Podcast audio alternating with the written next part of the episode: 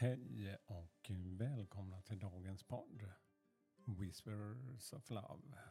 En eh, viskning från kärleken. Mitt namn är Peter Edborg och idag är det 25 december. Igår var julafton. Så hoppas ni fick en trevlig stund och eh, fick något som ni önskade.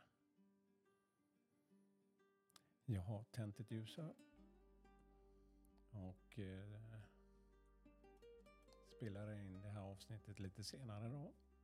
Jag kan se solen börjar gå ner bakom husen här. Men det har varit väldigt klart och stillsamt väder idag. Idag tänkte jag faktiskt bjuda på eh, en tarotläsning tre kort. Det som har varit, det som är och det som kommer.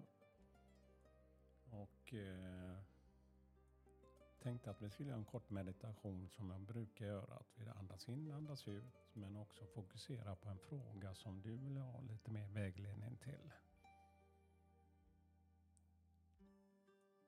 Något som du vill få lite mer reflektion över och eh, känna efter vad du kan göra mer för att komma närmare just den här drömmen eller det du önskar. Ja, men vi börjar med bara andas, andas ut och fokusera på just det du vill ha mer svar till.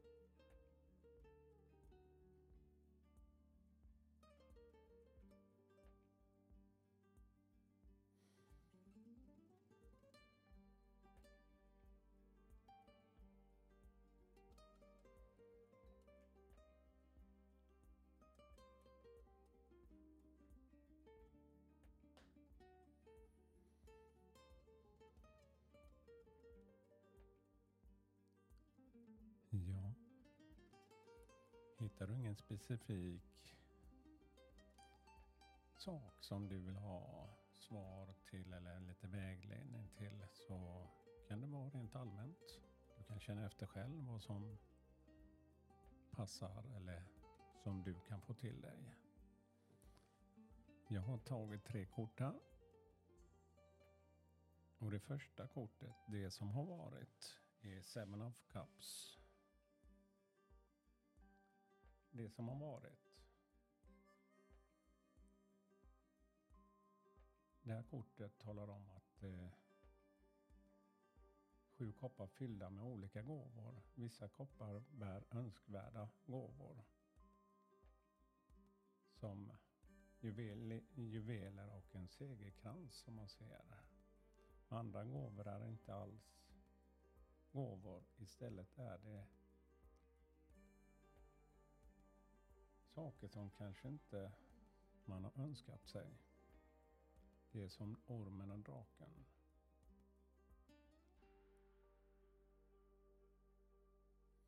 Molnen och korparna symboliserar önskningar och drömmar.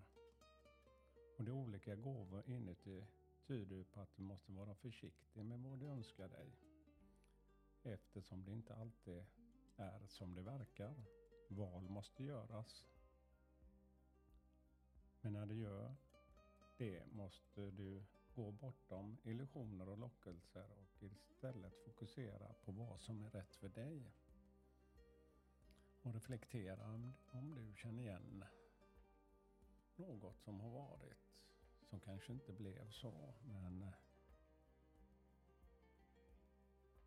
som inte ska ta bort den här drömmen om vad som kan göras på annorlunda sätt. För den enda saken som jag känner är att man kan ta man kan inte ångra det som har varit för det är en tid som har redan passerat men ta lärdom av hur kan jag komma närmare mina drömmar och mål. Ja, kort nummer två, det som är. Och kortet som jag fått här är nio koppar upprätt. På det här kortet sitter en man på en träbänk. Han är bekväm. Men inte för bekväm. Skulle du vilja sitta på den bänken hela dagen? Hans armar är korsade och han har ett leende på läpparna som uttrycker belåtenhet och till tillfredsställelse. Bakom honom finns ett krönt krökt struktur i blått material med nio gyllene koppar arrangerade i en båge. Kopparna representerar känslomässiga uppfyllelser efter, du, efter att du har utfört dina djupaste önskningar.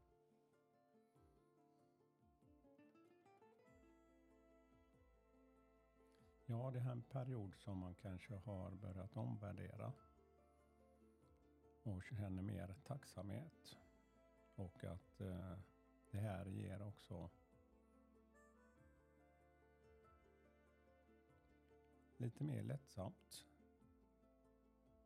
Och att man hittar det där värdet som alltid inte handlar om bara framgångar i materiella saker. Och, eh,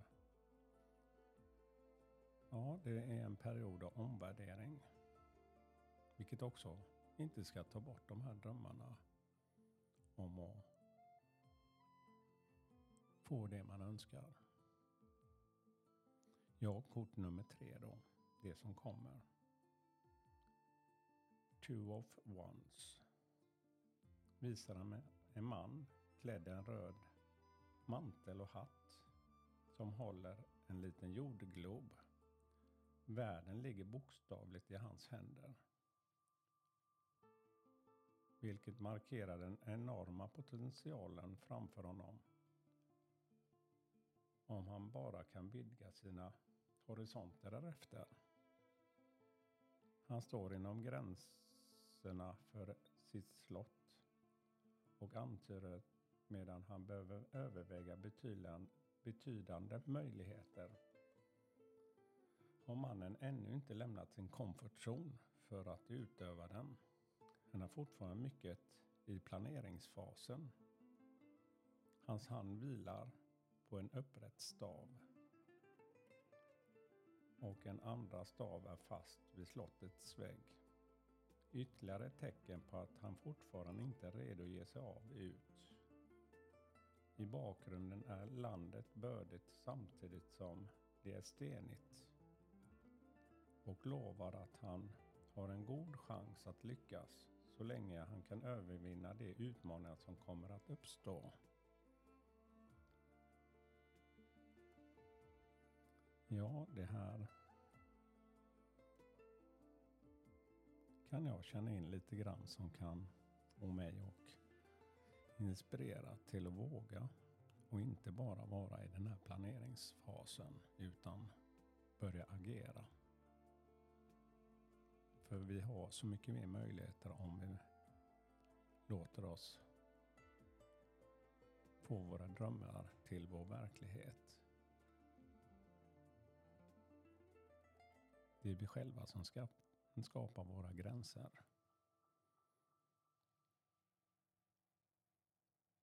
Ja, det var dagens budskap. En liten tarotläsning. Jag tackar för mig och önskar er en härlig fortsättning på den här julledigheten. Hej då!